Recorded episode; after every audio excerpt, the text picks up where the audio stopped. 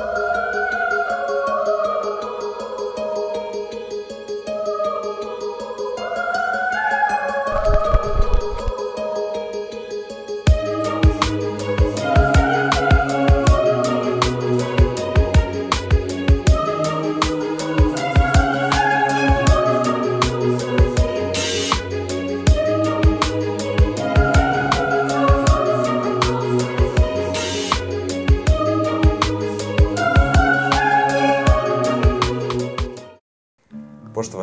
Gledalci, nastavljamo sa komentarima Biblije. U prošloj emisiji govorili smo o događajima vezano za dolazak pred planinu Horiv, gde jedan narod treba da uđe u savez sa Bogom. U savez. I a, čitamo šta se dešava pre nego što će narod da uđe u savez sa Bogom, kakve su pripreme urađene i kako izgledao taj događaj, jedan od najspektakularnijih, možda najspektakularnijih događaja u istoriji, ulazak jednog naroda u savez sa Bogom. Čitamo 19. poglavlje druge knjige Mojsijeve, od prvog stiha. Trećeg meseca, nakon što su Izraelovi sinovi izašli iz egipatske zemlje, tog dana su došli u Sinajsku pustinju. Krenuši iz Rafidina, došli su u Sinajsku pustinju i u njoj se ulogorili. Izrael se ulogorio pred gorom. Dakle, kaže se da su Izraelci došli pred ovu goru, pred ovu planinu, planinu Horev, gde će se susreti sa Bogom na jedan poseban način i gde će ući u save sa Bogom. Tekst na početku kaže trećeg meseca nakon što su Izraelici izašli iz egipatske zemlje. Koji je to treći mesec? Na osnovu biblijskog računanja vremena, kada smo čitali tamo izlazak iz Egipta, Bog je rekao ovaj mesec će da vam bude prvi mesec u godini. To je mesec kad su izlazili iz Egipta. Mi ćemo vidjeti kasnije kad budemo čitali u trećoj knjizi Mojsijevoj u 23. pogledu, kad budemo čitali o praznicima, detaljnije koji su to praznici i kada oni padaju. Ja ću sad ukratko samo da objasnim. Ja sam o tome govorio, ali evo da ponovim. Znači, prvi mesec prema biblijskom računanju vremena je mesec kad zri ječam u Izraelu. Znači, Izrael je referentna tačka za računanje vremena. Oni još nisu došli u Izrael, u obećanu zemlju, koja će se nazvati Izrael po svom pravcu Izraelu, odnosno Jakovu, kome je Bog promenio ime. Ali prvog meseca se praznuje praznik Pashe, koji ukazuje na izlazak iz ropstva.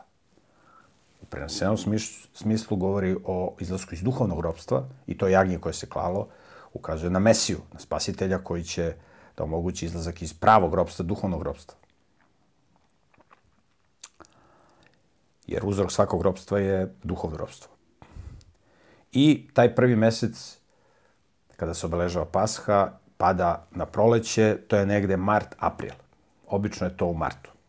Biblijsko računje vremena drugačije nego ovo koje se danas koristi. Ovaj današnji kalendar je solar, solarni kalendar, znači posmatra se kretanje sunca. Po biblijskom se posmatra kretanje sunca i meseca. Znači, kada je mlad mesec, to je prvi dan u mesecu. Ako padne pre zalaska sunca, onda je taj dan prvi u mesecu. Ako padne posle zalaska sunca, onda je taj sledeći dan prvi dan u mesecu. I taj dan kada se uoči, kada najmanje dva svedoka uoče mladi mesec, to je jedna vrsta polupraznika, zove se mladina, prvi dan u mesecu. Ovde se kaže trećeg meseca nakon što su izašli sinovi, Izraeljevi iz egipatske zemlje. Znači, ako su oni negde a, u martu, prema ovom neznabožačkom računanju vremena, izašli a, iz Egipta. Znači, ako su izašli u martu, znači april, maj, jun. Znači negde maj ili jun, prema ovom neznabožačkom računanju vremena, oni su došli pred planinu a, Horiv, koja se nalazi danas u Saudijskoj Arabiji. Jedna vrlo zanimljiva planina o kojoj ćemo govoriti i ovde imamo neke eksponate koji pokazuju od kakve stene je izgrađena ta planina. To ćemo malo kasnije da prikažemo i da objasnimo i da pokažemo. Svakom slučaju, znači, ovo se dešava negde maj, jun prema, ne znam, božačkom računanu vremena, čisto da osetite kad se sve ovo dešava. I oni su se tu ulogorili pred gorom, pred tom planinom Horiv, ili kako je neki zovu Sinaj, ali to nije Sinaj u, u Egiptu, to je naknadno dato, nazvano je na tamo neko brdo je nazvano Sinaj, nema to veze sa ovaj, pravim Sinajom. Sinaj je, odnosno Horiv, postoje dva imena za tu planinu, se nalazi u Saudijskoj Arabiji. I oni su se tu ulogorili i da vidimo šta se dalje dešava. Treći stih. Mojsije se popeo ka, ka Bogu i gospod ga je pozvao s gore i rekao mu, ovako kaži Jakovljevom domu i reci Izraelovim sinovima, videli ste šta sam učinio Egipćanima, kako sam vas nosio na orlovim krilima i doveo vas k sebi. A sada, ako budete dobro slušali moj glas i držali se mog saveza, bit ćete moje blago između svih drugih naroda, jer je sva zemlja moja. I bit ćete mi carsko svešten, sveštenstvo i sveti narod. To su reči koje treba da kažeš Izraelovim sinovima. Znači, Bog se spušta na planinu Horiv. Vidjet ćemo kako je to izgledalo. On, se, on je tu bio prisutan na poseban način i pozvao Mojsija da dođe kod njega. I rekao mu ovako. Kaže Izraelim sinovima. Izraelim sinova kaže. Videli ste kako sam vas izbavio. Znači, pitaj narod da li hoće da uđe u save sa mnom. Znači, nema ništa na silu. Nema nikako prisiljavanje da ti uđeš u neku versku zajednicu, neku, da prihvatiš određenu religiju, da prihvatiš određeni sistem vrednosti. Nema kod Boga na, na silu ništa. Znači, pita ih, videli ste kako sam vas izveo, kao na orlovim krilima. Ako budete dobro zaslušali moj glas i držali se mog saveza, znači, Bog im daje ponudu, ako budete hteli da živite po mojim zapovestima. Bićete moje blago između svih drugih naroda. Jer je sva zemlja moja, Bog je vlasnik planete. I bit ćete mi carsko sveštenstvo i sveti narod. Carsko sveštenstvo. Ko su sveštenici? Sveštenici su oni koji uče druge ljude. O Bogu. To su sveštenici. On kaže, ceo narod ćete mi biti carski sveštenici. Znači, vi ćete, ja preko vas, ja sam car svemira, kaže Bog. Ja ću, vi ćete biti moje sveštenstvo, carsko sveštenstvo. Mi ćemo kasnije, kad budemo čitali Bibliju, videti da, na, da, da postoji nebeski hram. Da postoji u svemiru, na mestu, tamo gde Bog prebiva. Postoji mesto gde Bog prebiva. Bog je ličnost, Bog je neka energija koja cirkuliše i tako, to je biblijski koncept. Bog se ljudima otkriva kao ličnost koji ima svoje mesto prebivalište u svemiru. On je sve prisutan na poseban način. Kako mi to ne znamo u ovom trenutku, jednog dana ćemo saznati, verovatno. Znači, postoji mesto gde Bog prebiva, prebiva i čitat ćemo o tome u Bibliji. I postoji hram, nebeski hram. Kada se bude pravio hram na zemlji, on će biti kopija tog nebeskog hrama. I vidjet ćemo da u Bibliji se govori da je Isus Hristos prvo sveštenik u nebeskom hramu. Znači, Isus Hristos je prvosveštenik. Postoje sveštenici i postoji prvosveštenik. Ono što mi kažemo patrijarh. U katolicizmu se kaže papa. U Bibliji postoji prvosveštenik. Isus je prvosveštenik u nebeskom hramu. To ćemo čitati. I postoje sveštenici. A Bog kaže, bit ćete vi, svi ćete biti carsko sveštenstvo. Ja sam car, vi ćete biti sveštenici. Svi. Ceo narod. A šta je svrha? Da, podučiva, da podučavate druge narode o meni. Ne tako što ćete da idete da zvonite ljudima na vrate i da ih maltretirate i da im kažete, e, ajde, učlani se kod nas i tako dalje. Ne, vidjet ćemo kasnije kad budemo čitali biblijski tekst. Kako se promoviše Boži koncept? Bog kaže, i vidjet će okolni narodi i reći će, veliki ovo narod kakve dobre zakone i uredbe imaju. I to je način kako se promoviše Boži koncept. Kako neko može da bude sveštenik? Svako od nas može da bude Boži sveštenik, carski sveštenik. Bez obzira kom narodu pripada, o tome smo govorili u prethodnoj emisiji. Čovjek treba da živi na moralan način. Da svojim život, životom promoviše Boži koncept. A ne da brblja i da maltretira ljude, da se oni učlanjuju i da oni ovo i da oni ovo. I da onda drugih vide i da kažu veliki je ovo čovjek, velika je ovo porodica, veliki su ovo ljudi, pametni i mudri. To je biblijski koncept. Kaže, bit ćete mi carsko sveštenstvo. To su reči koje treba da kažeš Izraelovim sinovima. Znači, izvolite ponuda, ako hoćete. Nema ništa na silu.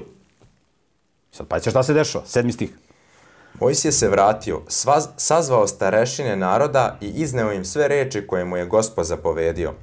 Poslije toga ceo narod je jednoglasno odgovorio. Sve što je gospod rekao, spremni smo da činimo. Mojsije je te reči naroda odmah preneo gospodu. Gospod je rekao Mojsiju, ja ću doći k tebi u tamnom oblaku, da narod čuje kad budem govorio s tobom i da ti uvek veruje. Tada je Mojsije preneo gospodu šta je narod rekao. Pazite šta Bog kaže.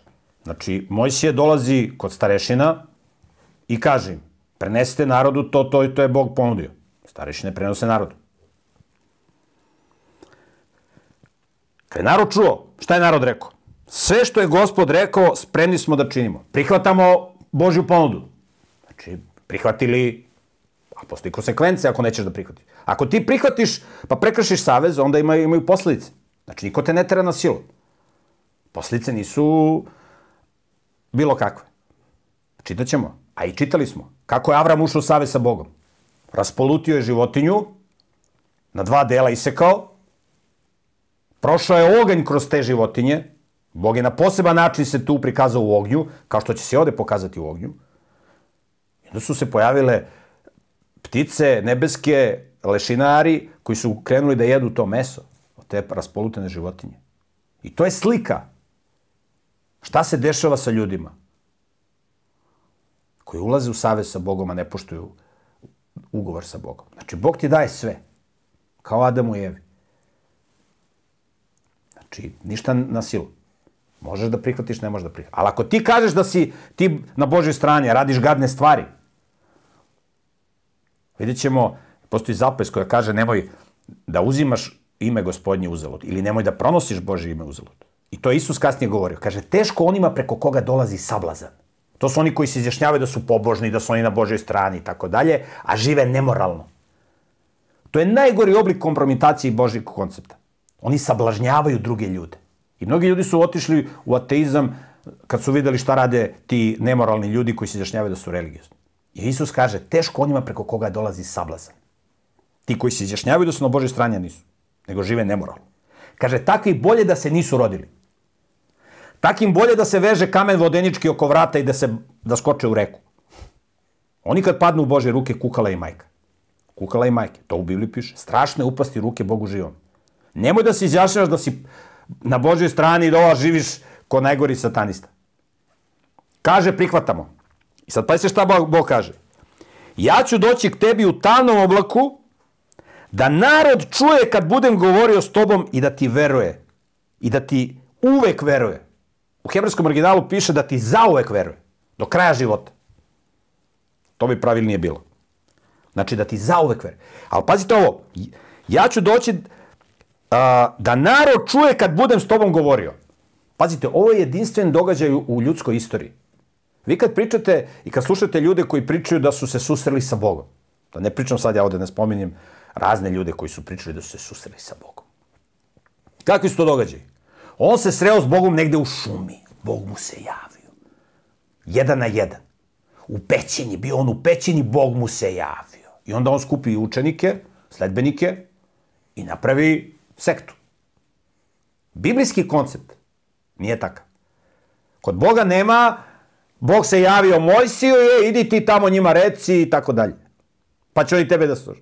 To je bilo u početku. Samo ih obavesti da ja dolazim. Pripremite se, dolazi tvorac. I sada Bog razgovara sa čitavim narodom. Ceo narod sluša. Nema to jedan čovek došao pa rekao, meni se Bog javio, samo vi mene slavite, vi mene slušate. Ne. Biblijski koncept nije takav. Biblijski koncept, Bog govori da ceo narod čuje. To je jedinstveno u istoriji. To je, to je tvorac svemira. Za razliku od svih ovih lažnih bogova. Da narod čuje kad budem s tom govori da ti za uvek veruje. Tada je Mojsije preneo gospodu šta je narod rekao. Idemo dalje. Deseti stih. A gospod je rekao Mojsiju, idi k narodu i posveti ga danas i sutra, i neka svi operu svoju odeću. neka budu spremni za treći dan, jer će trećeg dana gospod sići na goru Sinaj pred očima sveg naroda. A ti postavi granice za narod svuda unaokolo i reci, pazite da se ne penjete na goru i da ne dotaknete njeno podnožje. Ko se god dotakne gore, bit će pogubljen. Nijedna ruka neka se ne dotakne prestupnika, nega ne, nego neka bude kamenovan ili ustreljen. Bilo da je to životinja ili čovek, neće ostati u životu. Kada se oglasi ovnujski rog, onda mogu da priđu gori. Znači, Bog kaže ovako.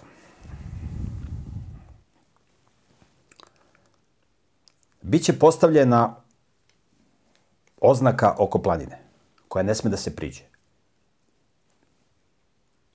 Imate u knjizi Biblijska arheologija arheološke dokaze koji su pronađeni kod planine Sinaj koji su a, a, ozna, imate oznake ka, kakve su bile oko te planine Horiv.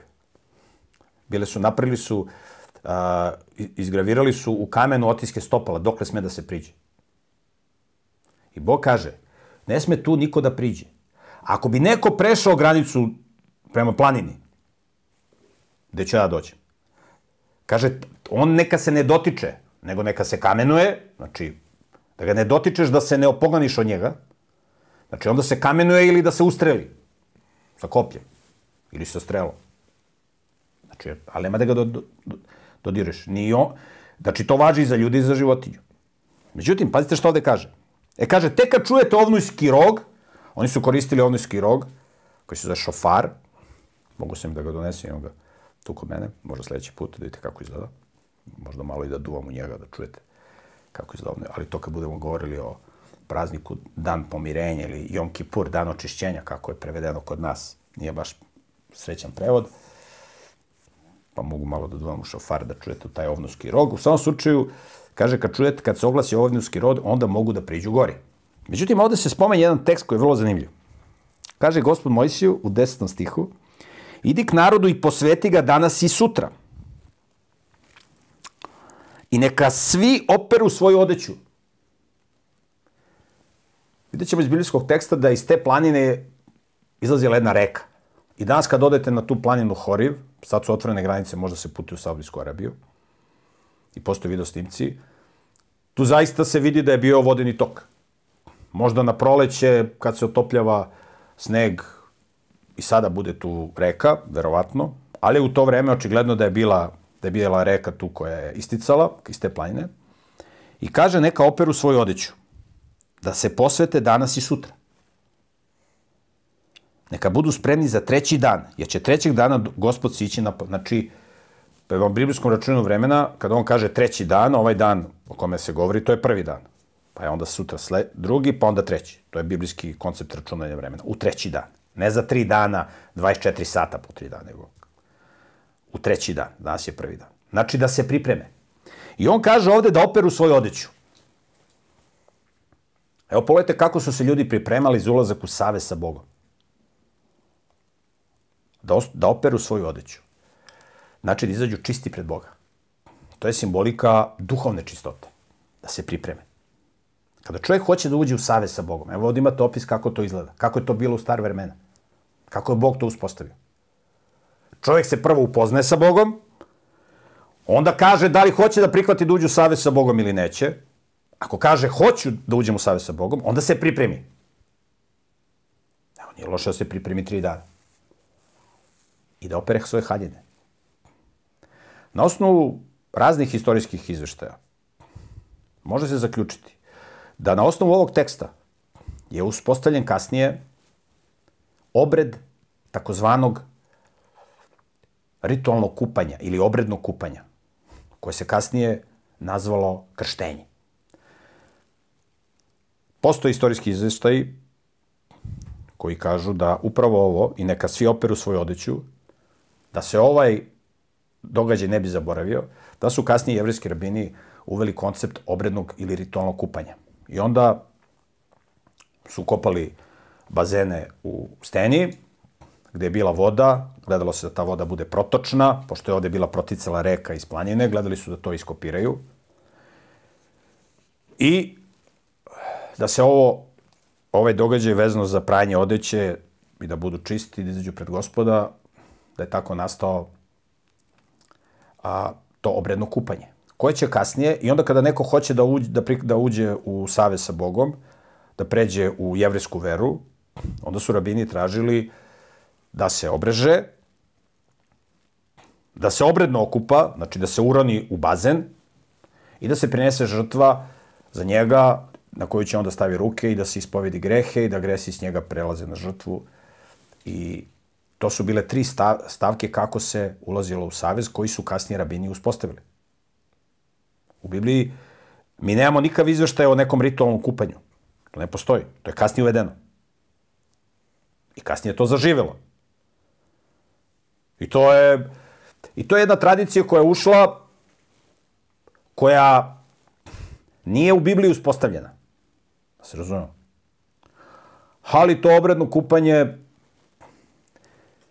nije nešto što prkosi Božim zapovestima u nekom smislu drastičnom i radikalnom. Tako da je Jovan Krstitelj, kada se pojavio, u hebrejskom se on naziva Jovan Kupač i Jovan, ili Jovan Obrezivač. To su dva imena koja se koriste u hebrejskom evanđelju po Mateju, koje ćemo čitati kad budemo došli do evanđelja po Mateju. U svom slučaju, a, Jovan Krstitelj je ljude obredno kupao koji su hteli da uđu u savez sa Bogom. Da ponovo uđu u savez sa da odbace svoje bezakonje i tako dalje i tako dalje. Isus kad se pojavio, on je ispoštovao tu tradiciju, iako kad budemo čitali Bibliju, mi nigde nećemo videti obredno kupanje. To ne postoji. Postoji ovo, kaže, pripremite se, operite svoju odeću. Tako da, gledano iz ove perspektive, ko hoće da uđe u savez sa Bogom, može da se upozna sa Bogom i kada odluči da uđe u savez sa Bogom, prema, zapovest, prema uslovima koje Bog uspostavlja, to su zapovesti koje Bog dao, koje ćemo čitati, on može onda da kaže, on može da se okupa, da izađe čist pred Boga, da se pomoli i da tako uđe u savez sa Bogom. To je na osnovu bibličkog koncepta. Ja znam da su mnoge hrišćanske denominacije i, i, i u okviru judaizma, ne znam kako u islamu, ne znam detalje, kako se tamo ulazi, da li tamo ima obredno kupanja, ali uvedene su razne ceremonije kako se ulazi u savez sa Bogom. Mi sad čitamo šta piše u Bibliji. I moj se otišao kod gospoda i on mu je rekao da se napravi oznaka oko planine da niko ne sme da siđe. Čitamo dalje. 14. stih. Tada je Mojsije sišao s gore k narodu i počeo da posvećuje narod. I narod je prao svoju odeću. Zatim je rekao narodu, budite spremni za treći dan, ne prilazite ženama. Znači, oni su trebali da se pripreme. Znači, kaže, on je počeo da posvećuje narod. Šta znači biti svet? Biti svet, pazite, postoji samo jedan koji je svet, a to je Bog. Znači, samo je Bog svet. Čovek može da bude svet samo ako Bog prebiva u njemu svojim duhom. I onda onaj koji je svet, nas čini svetim. Da bi Bog mogao kod, u nama da prebiva svojim duhom, da mi budemo nadahnuti duhom. Možda budete nadahnuti svetim duhom, pa da budete sveti, a možete da budete opsednuti demonima, da budete demonizovani. Da bi se, da bi se posvetili Treba da živimo na način da Sveti Duh nas nadahne. A to se čini tako što živimo moralno, tako što živimo ispravno, tako što živimo po Božim zapovestima. I onda se Sveti Duh u nas useli. Jer mi smo spoj tela i duha. I onda taj naš duh Bog na poseban način posveti. Mi se posvećujemo tako što se Bog, i onda to je jedan fenomenalan osjećaj kad živiš za nekoga, kad radiš ono što je ugodno za, ovaj, pred Bogom, to je nešto predivno. I onda on posvećuje narod. Uči ga kako da se očiste, da se operu, da budu čisti, da žive moralno. Kaže, odvojite se od svojih žena. Ne prilazite ženama do trećeg dana. Zašto?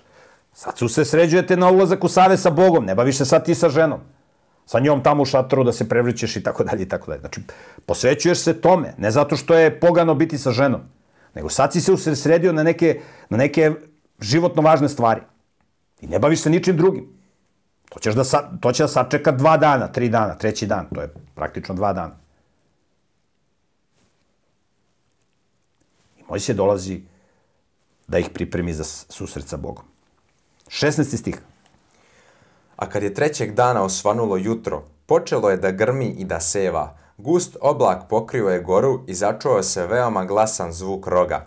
Tako da je ceo narod koji je bio u logoru zadrhtao.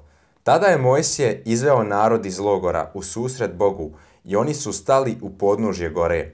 Gora Sinaj se sva dimila, jer je gospod sišao na nju u ognju. Iz nje se dizao dim kao dim iz velike peći i sva se gora strašno tresla. Dok je zvuk roga postajao sve jači, Mojsije je govorio, a Bog mu je odgovarao silnim glasom. Znači, trećeg dana. Prvog dana je Bog rekao Mojsiju, pripremi ih. Trećeg dana ujutru. Znači, to je prošlo manje od 48 sati. Bog je sišao na goru u ognju. Kaže, ognja se tresla. Gora se tresla. Vi kad odete danas u Saudijsku Arabiju, na tu planinu Horiv, išli su tamo istraživači i tako dalje, vi možete da vidite kako izgleda ta gora. Vi iz daljine vidite tu goru kako je sva crna. Ona se i dan danas crni. Kao uspjeno na to kad se gospod spustio na tu goru. I postoji jedna stena koja se zove, odnosno jedan mineral koji se zove obsidijan, evo ja ga imam ovde, sad ću vam ga pokazati. Vrh te planine Horiv se sastoji od ovakve stene, od obsidijana. Ako odete u Saudijsku Arabiju, sad je otvorena granica, možete dojeti na planinu Horiv da vidite. Ova stena nastaje pod visokom temperaturom. Znači, kad vidite planinu Horiv, kad odete tamo, znači, kad se Bog spustio, znači, bila je vatra. U ognju se spustio. I danas imamo tamo geološke dokaze koji to potvrđuju. Čitamo dalje, 20. stih. Tako je gospod sišao na goru Sinaj, na vrh gore. Gospod je pozvao Mojsija na vrh gore i Mojsije se popeo. Gospod je rekao Mojsiju, siđi i upozori narod da ne pokušava da se probije prema gospodu da gleda, jer bi mnogi izginuli.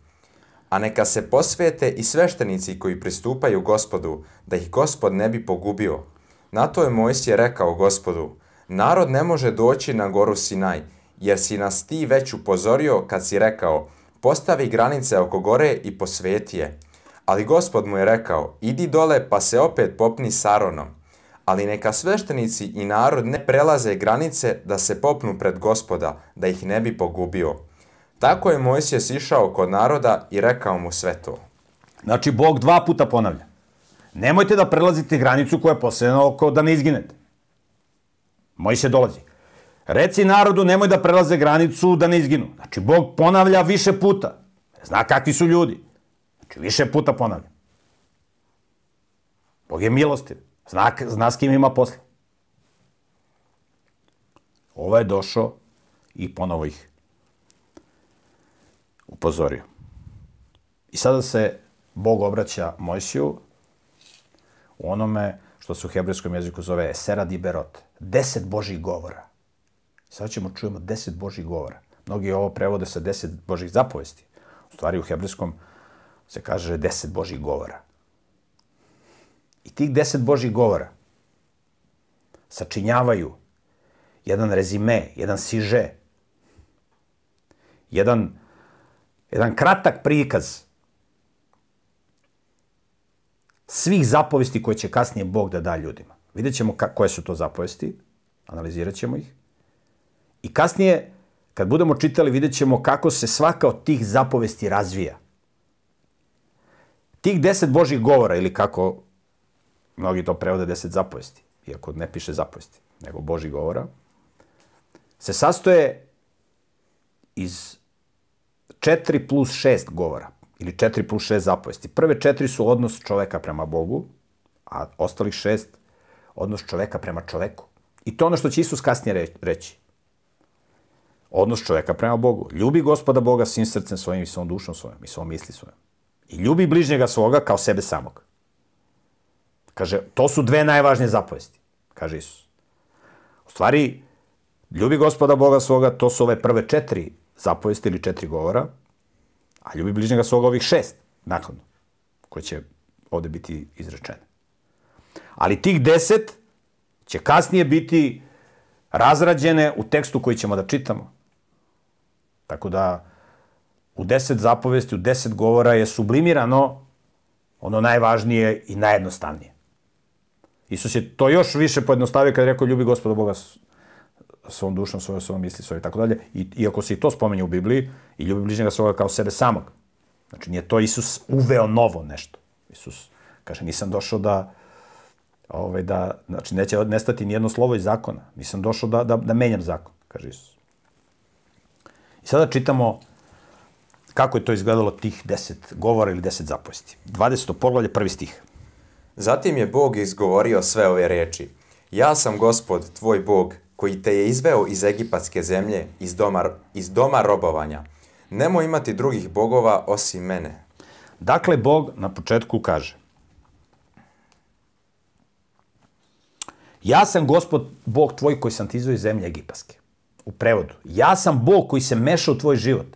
Ja sam neko ko je zainteresovan za tebe. Nisam ja tamo neki daleki Bog koji je nezainteresovan za tebe kao ovi drugi nezabožački bogovi. Ja sam Bog koji te izveo iz egipatske zemlje, iz doma robovanja. Ja sam neko ko je zainteresovan za to. Ja sam tvoj otac. Ja sam tvoj spasitelj, otkupitelj, kaže Bog njima. Ja sam neko koga ste imali prilike da upoznate. Znači, da bi čovjek ušao u save sa Bogom, mora prvo Boga da upozna. Nema ništa na silu, upoznaš se sa Bogom, ili se sviđa, ne sviđa se, nema problema ako se ne sviđa. Evo, ja sam vas izveo, imali ste priliku da me upoznate.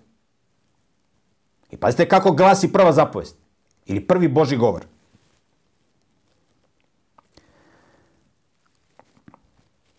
Nemoj imati drugih bogova osim mene. To je prvi, prvi Boži govor, prva Božja zapovest. Nemoj da imaš drugih bogova osim mene. Ja sam jedini bog. Nemoj da služiš demonima i ovim paganskim bogovima ovih nezabožačkih okolnih naroda. Nemoj da imaš druge bogove. Postoji samo jedan bog, samo jedan stvoritelj. To je prva zapovest. Nemoj da imaš drugi bog. Ja sam gospod Bog tvoj koji, te, koji brine o tebi i nemoj da imaš drugih bogova osim mene. Idemo dalje. Četiri stih. Ne pravi sebi rezani lik, niti bilo kakvu sliku od onoga što je gore na nebesima ili dole na zemlji ili u vodama ispod zemlje. Ne klanja im se, niti im služi, jer sam ja, gospod, tvoj Bog, Bog koji zahtjeva da se odanost iskazuje isključivo njemu. Ja pohodim prestupe očeva na sinovima do trećeg i do četvrtog kolena, onih koji me mrze, a milost pokazujem i hiljaditom kolenu onih koji me vole i drže se mojih zapovesti. Bog kaže, nadovezuje se na, na prvu zapovest, nemoj imati drugi bogova. Kaže, nemoj da praviš, nemoj da radiš ono što rade neznabožački narodi. Nemoj da praviš nikakav rezani lik ili bilo kakvu sliku od onoga što je gore na nebesima. Ili dole na zemlji, ili u vodama ispod zemlje. Paganski narodi su pravili slike i kipove.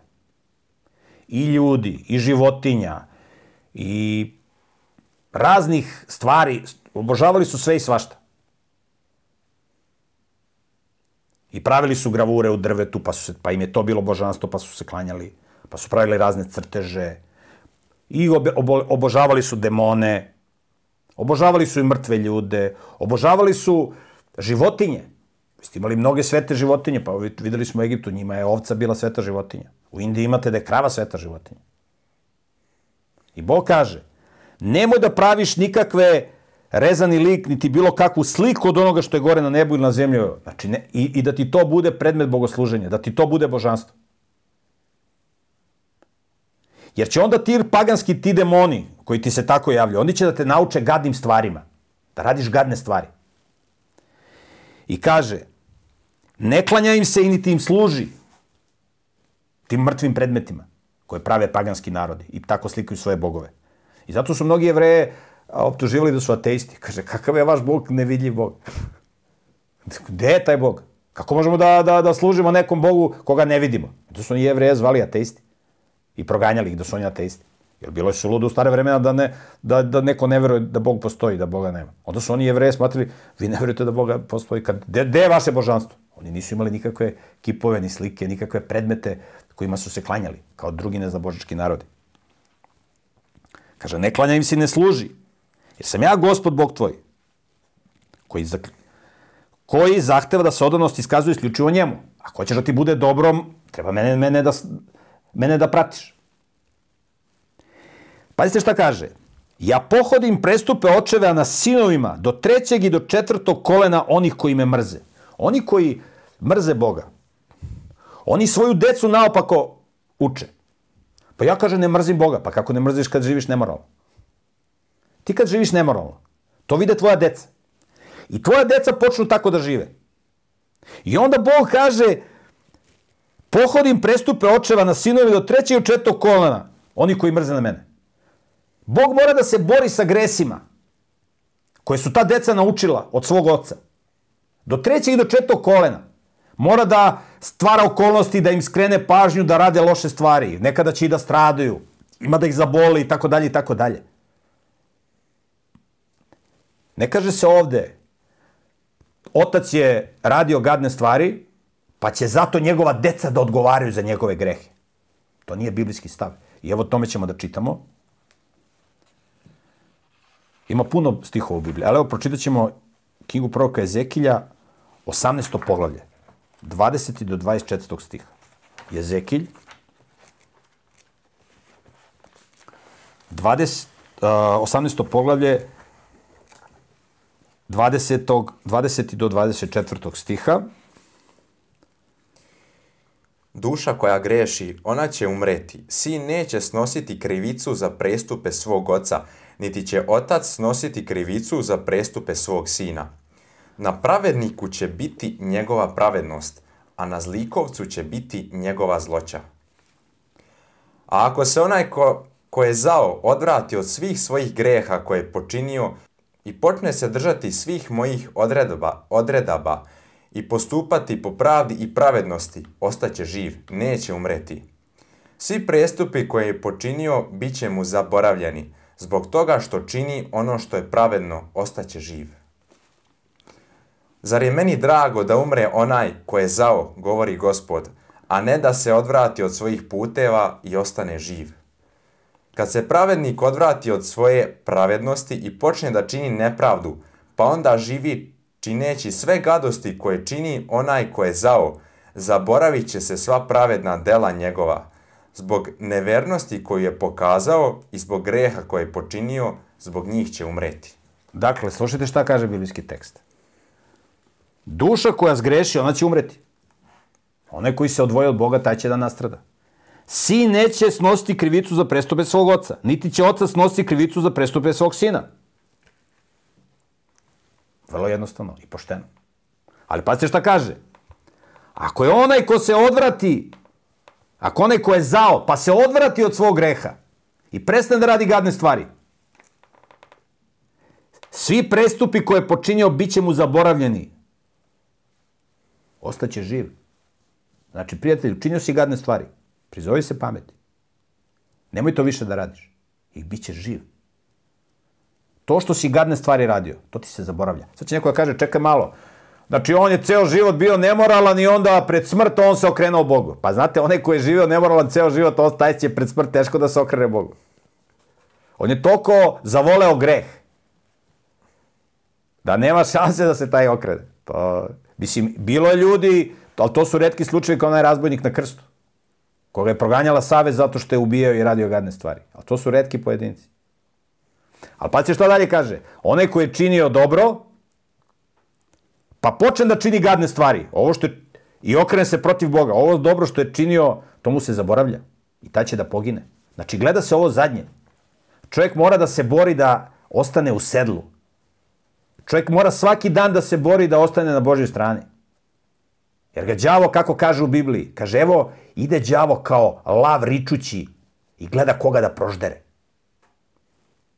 Znači, demoni sa svih strana samo čekaju, samo, samo iskušenja i provokacije i navlačenje na greh i na destrukciju i pritisci. Znači, biblijska zapovest da Bog pohodi grehove otačke, na sinove treće čete kore. To znači da Bog mora da se bori sa time što su deca naopako naučene, a ne da će Bog da kažnjava nečiju decu zato što je otac pravio gluposti. Neće, svako će da odgovara za svoj greh. To je biblijska zapovest, evo čitali smo. Kaže, a pokazuje milost i hiljaditom kolenu onih koji me vole drže se mojih zapovesti. Čitali smo Jotora i one Keneje. Jeste videli kakvi su bili vitezovi? Naučio svoje sinove, ovi učili svoje, učili svoje, učili svoje. I to vi imate, na primer, na našim prostorima, jedan čuveni junak, Leka Dukađin. On je napisao, to je sačuvano, kanon Leke Dukađina. Ili zakon Leke Dukađina.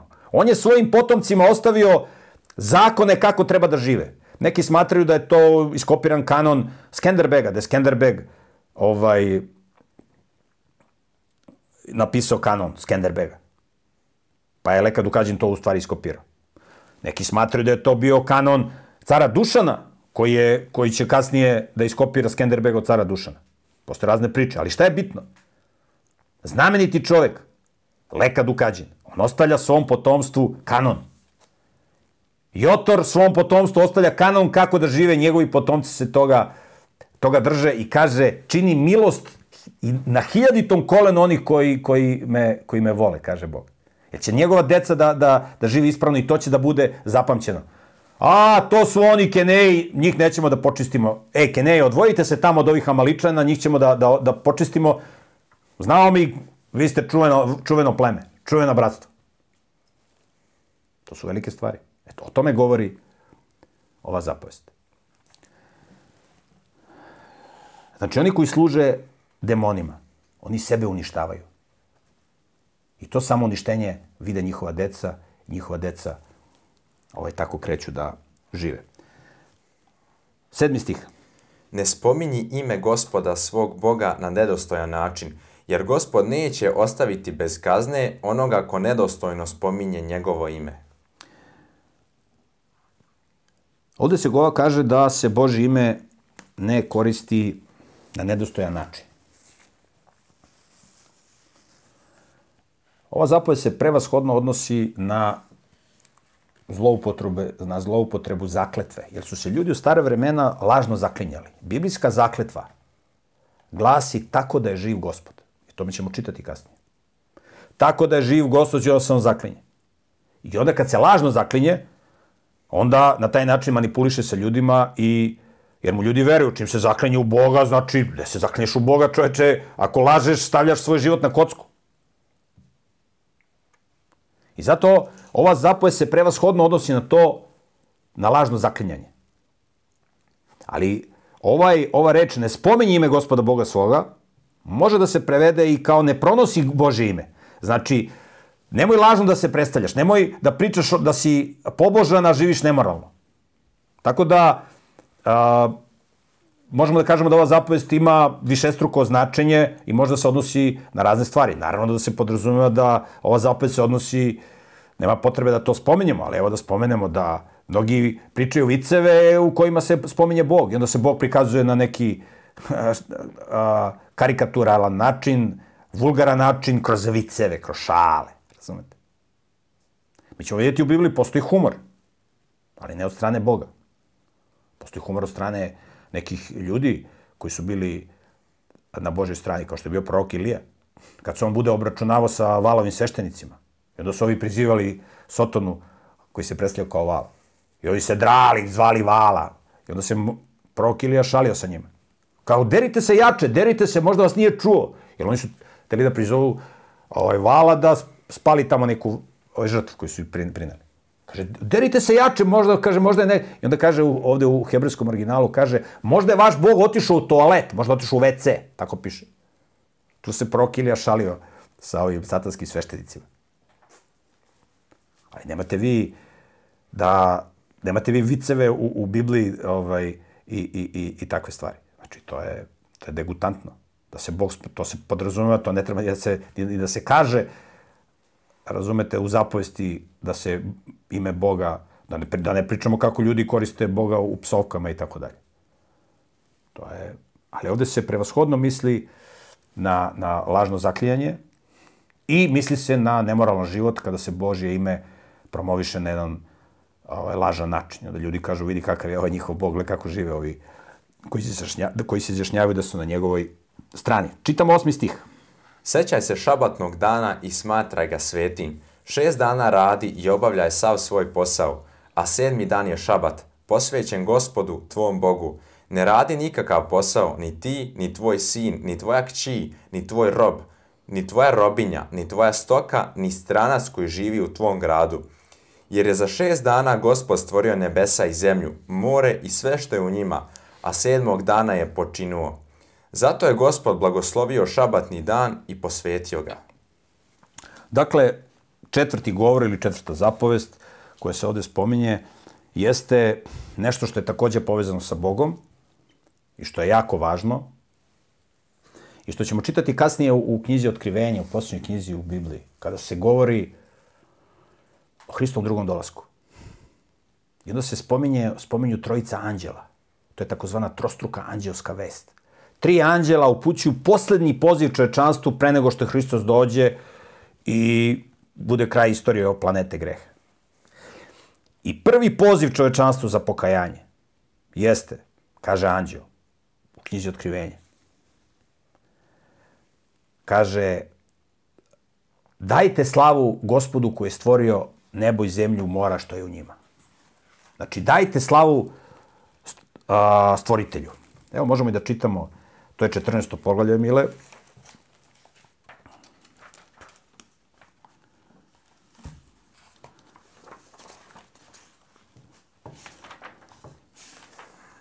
Znači, ovo, ovde se govori o Hristov drugo, znači najava Hristovog drugog doleska. 14. poglavlje otkrivenja, šesti stih.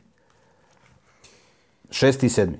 I video sam jednog drugog anđela kako leti posred neba noseći večnu dobru vest, da je objavi onima koji žive na zemlji, svim narodima i plemenima i jezicima i narodnostima. Znači da donese dobru vest ili grčki evanđelje. Pošto nemamo hebrejski original sačuvan, ovaj, znači da donesu dobru vest. Ide anđeo da najavi dobru vest. Dolazi Hristos, dolazi, dolazi Hrist, dolazi Bog da napravi red na zemlji, da spasi svoj narod. I sad slušajte šta on kaže. On je govorio jakim glasom. Bojte se Boga i dajte mu slavu, jer je došao čas njegovog suda. Poklonite se onome koji je stvorio nebo i zemlju i more i izvore voda. Ovo je poruka prvog anđela. Posle možda čitate dru, šta je rekao drugi anđel, treći anđel. Kaže, poklonite se onome koji je stvorio nebo i zemlju i more i izvore voda. Ovaj četvrti govor, ili četvrta zapovest, govori o onome ko je stvoritelj. Znači, stvoritelj je onaj koji je stvorio za šest dana i sedmog dana je prestao da radi. Nije on sedmog dana odmorio, nema Bog šta da se odmori. I u hebrejskom se koristi glagol lišbot, što znači ne raditi. I od glagola lišbot, ne raditi, je nastala imenica šabat, što znači nedelja. Ali biblijska nedelja ili šabat je vreme prema biblijskom računanju vremena, o tome smo govorili, od petka od zalaska sunca do subote od zalaska sunca. Jer biblijsko računanje vremena, kada su dani u pitanju, se računa od zalaska do zalaska sunca. Mesec se računa od mladog meseca do mladog meseca.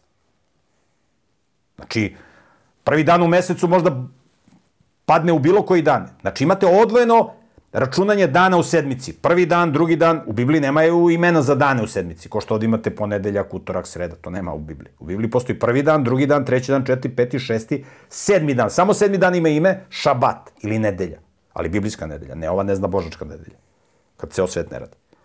Znači, biblijska nedelja od petka od zalaska sunca prema paganskom računanju vremena do subote do zalaska sunca. Potpuno drugačije se računaju meseci. Od mladog meseca do mladog meseca. Prvi dan u mesecu možda bude treći dan u sedmici, četiri dan u sedmici, peti dan u sedmici. Možda bude bilo koji dan. Godina. Opet na potpuno drugačiji način. Godina nije vezana za, za, za sedmicu i za mesece. Kad počinje neki mesec. Godina po Bibliji možda ima 12 meseci ili 13 meseci. I o tome ćemo govoriti detaljnije. Ali šabat ili biblijska nedelja je rođendan planete Zemlje. Šabat je uspomena na tvorca i na ono što je on učinio pre 6000 godina, pre oko 6000 godina. I zato Bog kaže, sećaj se dana šabatnog i smatre ga svetim. Svake sedmice mi imamo, na primjer, ovde u Srbiji imamo slave. To je lepo. Ljudi se druže. Oni koji se drže Božih zapovesti, oni imaju slavu svake sedmice. Sedmična slava ili šabat. Danas u svetu uglavnom jevreji imaju slavu jednom sedmično. Imaju neki redki hrišćani koji praznuju šabat, ali uglavnom jevreji. I kad dođe petak. Kod jevreja je petak kao što je kod nas subota. U petak je sve skraćeno, skraćeno radno vreme. Tog šestog dana, jer petak je šesti dan po Bibliji. I oni u petak pripremaju hranu za petak zalaska sunce. U petak kad zađe sunce počinje šabat. I oni imaju skraćeno radno vreme kao što kod nas je subota skraćeno radno vreme. I oni u petak pripreme hranu, sve. Obuku najbolja odela. Kao kad ljudi dočekaju novu godinu i onda se pripreme 31. Pripreme se, spreme najbolju hranu, obuku, okupaju se, obuku najbolje odelo i sednu pred televiziju. Je li tako? Tako izgleda obična nova godina u jednoj porodici da pleti zemlje. E, na sličan način, vi imate svake sedmice, šestog dana, jevreji pripreme najbolje jelo, obuku, oku, lepo se okupaju, obuku čisto odelo, najbolje, iskupi se familija, skupe se prijatelji i počinje praznik, uspomena na stvaranje sveta. Posvećen tvorcu, šabat. I u Bibliji, čitat ćemo kasnije, Bog kaže da je šabat znak između čoveka i Boga. Znak između čoveka i Boga. Postoji fizički znak između čoveka i Boga, čitali smo u Bibliji, to je obrezanje, berit mila, obrezanje. To je fizički znak i postoji duhovni znak, šabat. I onda vi na osnovu ove dve stvari tačno vidite, možete lako da testirate ko je teološki pismen. Na osnovu obrezanja na osnovu šabata. To samo oni koji čitaju Bibliju i žive po tome. To je ovako jedan najjednostavniji test. Postoji drugi testovi. Imaju ljudi koji su obrezani i ne rade na šabat, a žive nemoralno. Ima i takvih. I to ima ih puno. Ali ja pričam šta je biblijski koncept. Znači, biblijsko računanje vremena, biblijski kalendar, šabat. I postoji jedna jako lepa pesma, možete da nađete na internetu,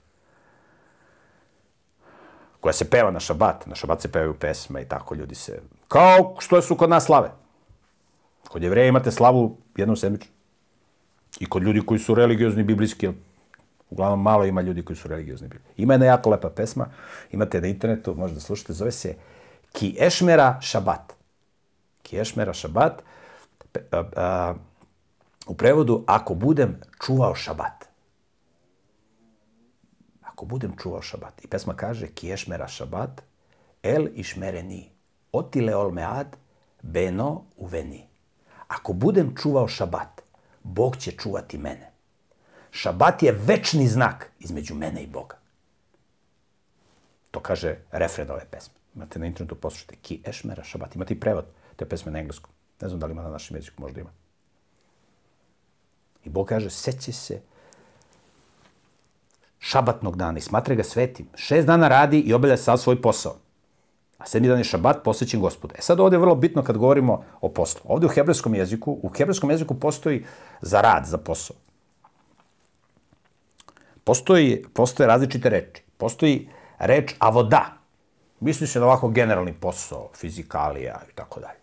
I postoji melaha. Melaha je reč koja ukazuje na neki zanatski posao. Na zanatski posao. Melaha.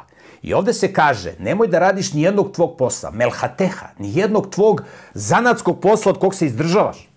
To ne znači da ti na šabat nećeš da se okupaš ako si se oznojio. Da nećeš na šabat, da ne znam, da podgreješ jelo. Da nećeš na šabat ako si nešto prosuo da počistiš. Nije šabat ono ti si drhtiš, ne smeš da uradiš dva koraka, prekršio si šabat. To rade ovi, ovi, ovi, ovi fanatici. I napravi su čitavu građevinu propisa šta se sme, šta se ne sme. Ovde vi jednostavno piše. Znači, šabat je praznik. Razmišljaš o Bogu, razmišljaš o pametnim stvarima. Da porodica bude na okupu. Da razmišljaš o duhovnim stvarima. Radio si šest dana. Zarađivo, jurio pare, imao razne poslove, brige, ovo, ono. A sad staneš da se odmoriš. To isto kao što postoji vreme kad treba da se spava. Ljudi koji, koji noću rade, oni ne mogu da se oporave. Ne mogu. Isto tako, kada vi ne radite na šabat, to je jedno posebno vreme. To je, znači, Bog je posvetio i vreme. To je posvećeno vreme. Šabat. I vi možete napraviti jednostavni eksperiment. Koliko što možete, kažete, pa ja volim noću da radim, a danju da spavam. Izvoli. Pa viš kako će da se razboliš. To je kao kad probate da spavate noću i da spavate danju. Testirate. Ne možete nikad preko dana da se naspate ko što možete noću. Jer noću se luče posebni hormoni, pokreću se posebni mehanizmi da se čovjek oporavi. Noć je za spavanje, ne može danju da se spava. Može, ali nećeš biti zdrav. Tako svako može da napravi eksperiment kada je u pitanju šabat. Može da odvoji to vreme da ne radi. I može da uzme neki drugi dan da ne radi. I da napravi test. Da vidite šta znači kada vi ne radite na šabat. Na biblijsku nedelju. To je jedan poseban osjećaj. To je jedan poseban oporavak. To je nešto, to je nešto jako lepo. Nešto predivno što svako ko hoće može da iskusi. Tako da, nemoj da radiš, jer je za šest dana gospod stvorio nebese i zemlju, more, sve što je u njima, sedmog dana je počinu. Zato je gospod blagoslovio šabati dan i posvetio ga. Zato je bitno satanistima da u sistemu obrazovanja uče da je čovjek nastao od majmuna. To je direktno kršenje ove zapovesti. A ova zapovest nam kaže, podsjećaj se da je Bog stvoritelj, da je Bog stvorio, da je Bog stvorio za šest dana, podsjećaj se, nemoj to nikada zaboraviš. Jer ako te nauče da Bog nije stvoritelj, ako, ako te nauče da Bog nije stvorio za šest dana, sutra ćeš plakati kad ti neko umre u porodici. Jer ne znaš da je Bog stvoritelj. Mislim, kad neko umre, ko nam je drag, normalno da plačemo. Ali jedno je kad vi plačete za nekim za koga znate da ćete se sa, sa njim videti uskoro. A jedno je kad plačete za nekim za koga smatrate da ga više nikada nećete videti. E tako ateisti plaču. Nikad te više ne, nećemo I onda na, na nadgrodnim spomenicama, spomenicima pišu večna kuća. Kakva večna kuća? Zato u Bibliji piše, čitat ćemo kasnije. Kaže, kad neko umre, nemoj da plačete kao neznabošci koji nemaju nadu. Umro je, u Bibliji je smrt spavanje. Privremeno razdvajanje. Privremeno razdvajanje. Kad vi znate da postoji tvorac koji vas je stvorio, jer nisu nas stvorili naši roditelji. Nama roditelji samo prenose život. Tvorac je davalac života. Naš tvorac možda stvori bez roditelja. I svake sedmice se posjećamo na šabat. Tvorac je stvorio, tvorac je stvorio. I to nikada ne zaboravimo. Zato je Bog tu uspostavio jednom sedmično, sećaj se da sam ja stvorio sve za šest dana i mora i zemlju i sve i nebesa i sve što je u njima. I zato je Bog, gospod, blagoslovio šabati dan i posvetio ga. To je sveto vreme. Tako da onaj koji radi na šabat, a zna za zapovest, on svojim životom, svojim radom svedoči da Bog nije stvorio za šest dana. Naravno, postoje ljudi koji ne... Šabat mogu da drže slobodni ljudi. Ne može neko ko je rob da, da drži šabat. Ja znam ljude koji su... Ne, Miroljube, neće, ja ne mogu da se zaposlim, naš, mene gazda neće da primi na posao zato što ja tražim da ne radim na šabat. Pa čekaj čoveče, imaš ti porodicu ženu? Imam. Pa kako ti... Kako, ko će, ne možeš ti da sad ti svom gazdi da određuješ da ćeš, kojih dana ćeš ti da radiš. Kad budeš imao ti svoj privatan biznis, onda ti nemoj da radiš na dane kad ti hoćeš i kad nećeš. Razumeš? I to su fanatici. Znači, radiš na šabatu dok ne budeš slobodan. Kad budeš slobodan, onda ti možeš da ne radiš na šabat i na druge biblijske praznike. Postoji opcija B. Nađi nekog jevrina pa se zaposli kod njega. Jevrin neće te tera da radiš na šabat. I u Izraelu, kad dođe petak, to je ko kod nas 31. januar. Znači, nema žive duše na ulici. Subota ujutru. To je koliko nas prvi januar. Nema, nema niko. Mislim, rade benzinske pumpe i neki dragstori tu i tamo, ali to je ko prvi januar kod nas. Tako da zapovest kaže, sećaj se da sam ja stvoritelj. Sećaj se. Da znaš. Ja sam onaj koji je stvorio i ja sam onaj koji mogu ponovo da stvorim. Znači, smrt je rešen problem. I zato se moja prva knjiga zove Nauka i problem smrti. Ja sam se oduševio kad sam saznao za ovo, da postoji tvorac koji može ponovo da stvori. Kad sam saznao za vaskrsenje. Zato se moja prva knjiga zove Nauka i problem smrti. Bog je rešio problem smrti. Ali ljudi to ne veruju. Ljudi veruju da su nastali od majmuna. Ima neki Bog, ja nešto verujem. To nije vera u Boga, to je sujeverije. Nisi ti prijatelju vernik, ti si sujevernik. Da si ti vernik, ti bi verovao Božim obećanjima, jer si upoznat sa Bogom. Ali ti, pošto ne poznaješ Boga, jer nisi čitao Bibliju, ni te to zanima, ni živiš po Božoj zapovesti, ti si onda sujevernik. Ti veruješ sve što ti, sve što ti ljudi kažu. A u Bibliji kaže, lud veruje svašta, pametan pazi na svoje korake. Čitamo, ovo su bile četiri, četiri govore, četiri zapovesti odnos, odnosu čoveka prema Bogu. A sad ćemo čitamo zapovesti odnosu čoveka prema čoveku. Čitamo 12. stih. Poštuj svog oca i svoju majku, da ti se produže dani na zemlji koju ti daje gospod, tvoj Bog. Znači, poštuj oca i majku. Da ti se produže dani na zemlji. Što znači poštuješ? Poštuješ onoliko koliko možeš. Znači, ne smeš da psuješ roditelje. Ne smeš da biješ roditelje. Oni su te rodili, kakvi god da su problematični ovo on. Bog ti je preko njih dao život. Ako su oni problematični, skloni se. Ne smeš ti da se svađaš sa ocem i sa majkom. Da psuješ oca i majku. Možeš se skloniš, poštuješ. Izvini, mama, ne možeš ni da progovoriš. Skupiš stvari kad ona nije tu, otac, majka, odeš pa se preseli negde ako ti se tu ne sviđa. On ti nešto priča, ok, važi, u redu, ćutiš, sklanjaš se. A ne smeš da se ti svađaš i da psuješ roditelje i da biješ roditelje. To je kršenje zapovesti, to je hula na Boga. Bog ti je, Bog te je rodio preko takvih ljudi. Kakvi takvi. Ne sviđa ti se, nemoj s njima da živiš.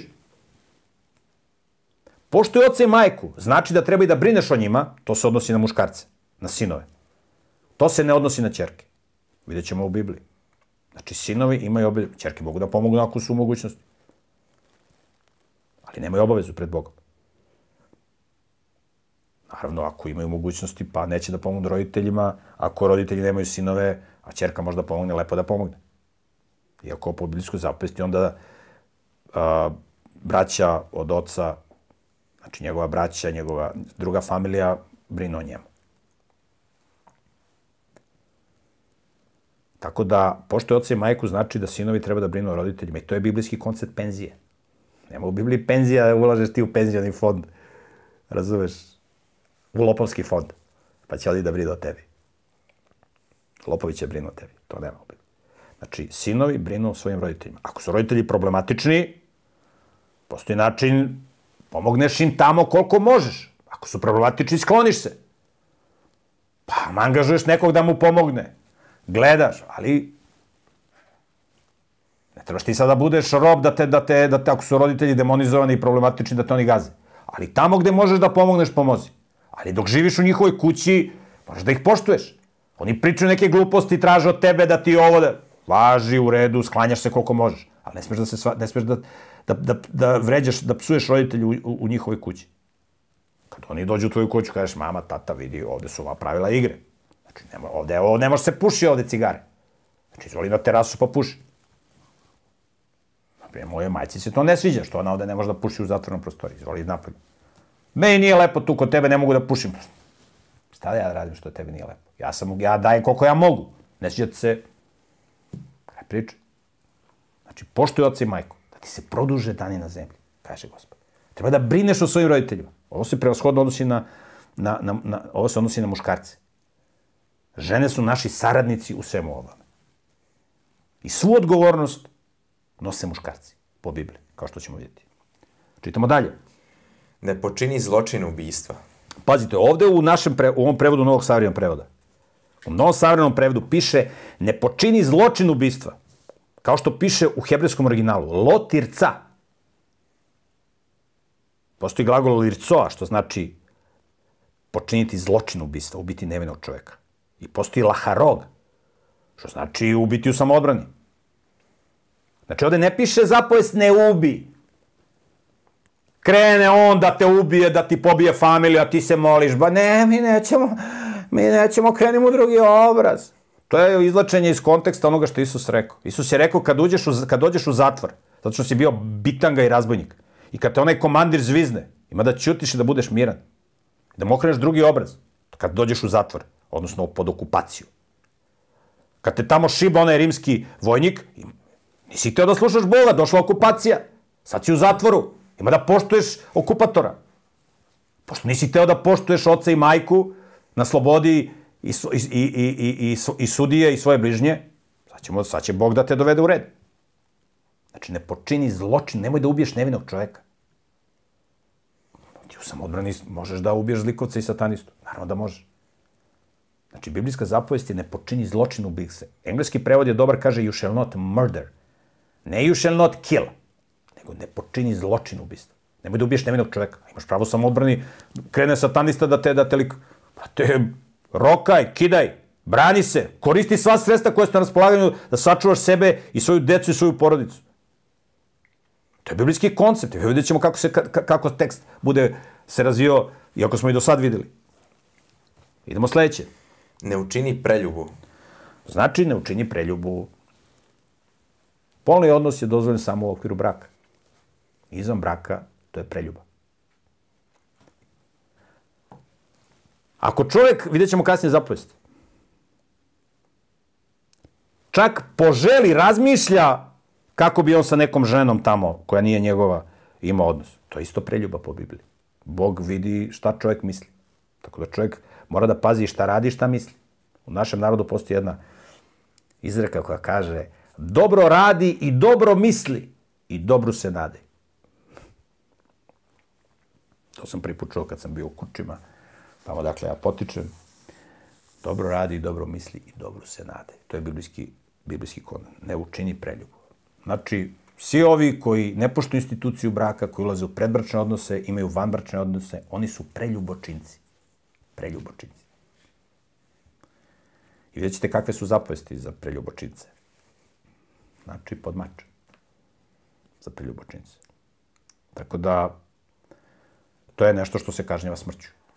Tako da, ako hoćete da budete u dobrim odnosima sa Bogom, da ne odsecate granu na kojoj sedite, čuvajte svoju polnu čistotu. Ljudi koji upražnjavaju predbračni seks, vanbračni, oni ne mogu da osete zadovoljstvo polnog odnosa u braku. Oni su navikli da, da žive kao svinje, kao razvratnici, da se valjaju sa svakakim problematičnim ženama i da upražnjavaju razne druge perverzije. Sve ove perverzije o kojima danas slušamo, one nastaju tako što čovjek prvo krene da čini preljubu, sa nemoralnim ženama, pa posle zastrani, demoni ga razvale, pa posle zastrani na gore perverzije. Tako da ne čini preljubu je vrlo važna zapovest. To je zapovest koja se danas najviše krši. Sledeća zapovest, sledeći stih. Ne ukradi. Znači, ne ukradi.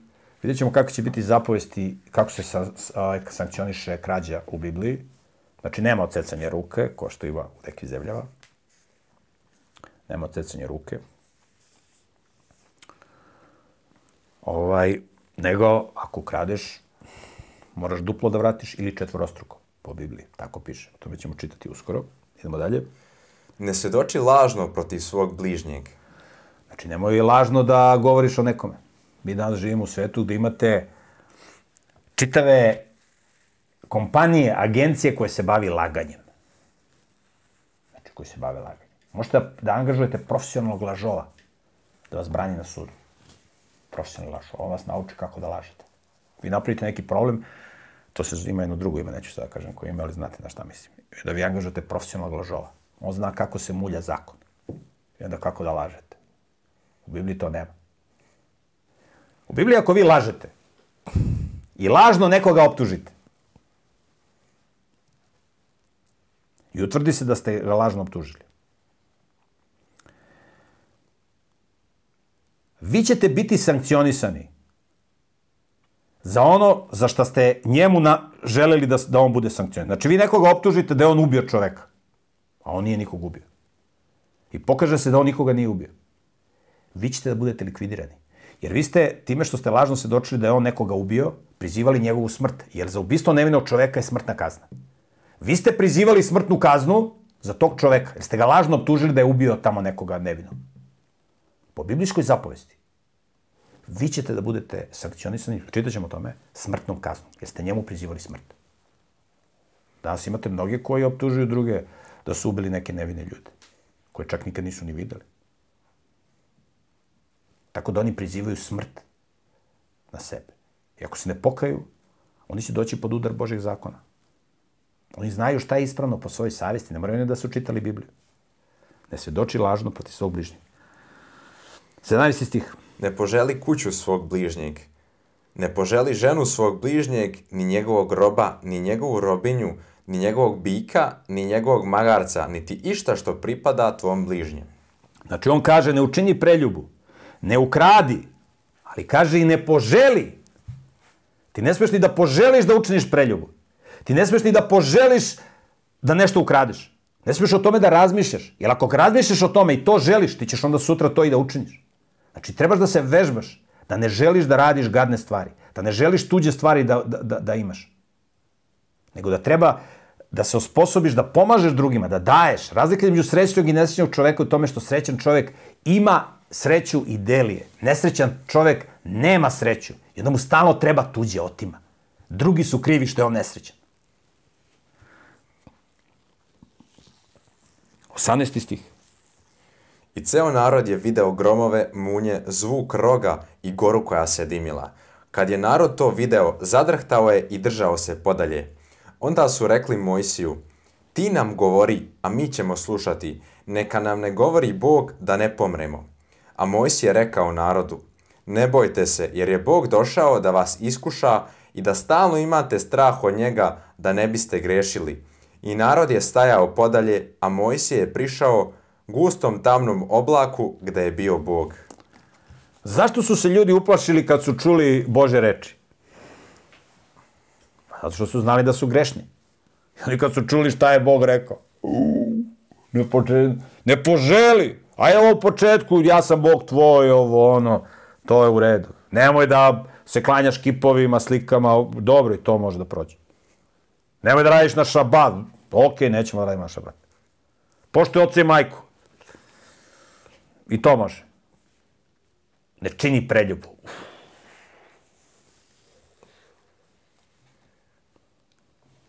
Ne čini preljubu. Ne počini zločin ubistva. Ne ukradi. I onda, kad, ka- I onda na kraju zakucava. Ne poželi. Oh. Ne samo da ne smem to da radim, nego ne smem ni da poželim.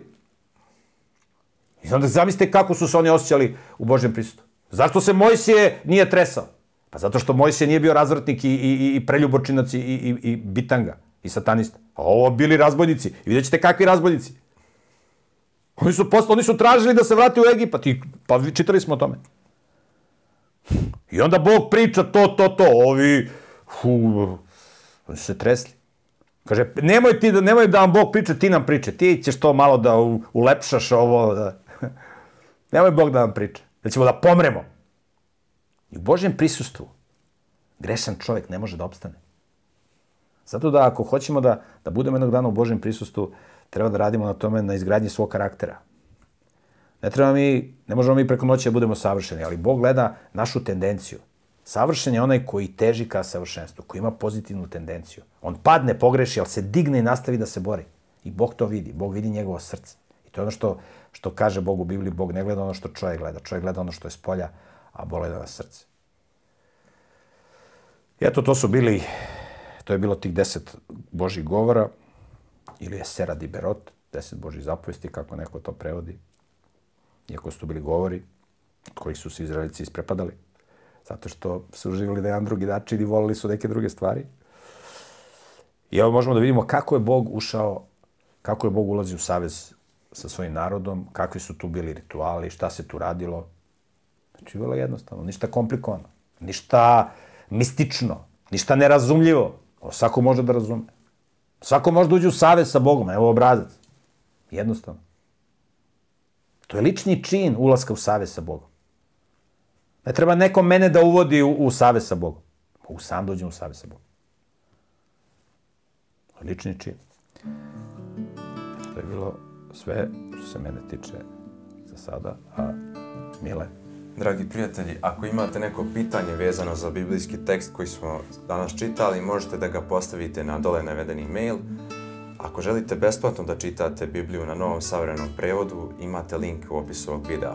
Također u opisu videa se nalazi informacije kako možete da kupite u istu Bibliju ako želite. Hvala na pažnji.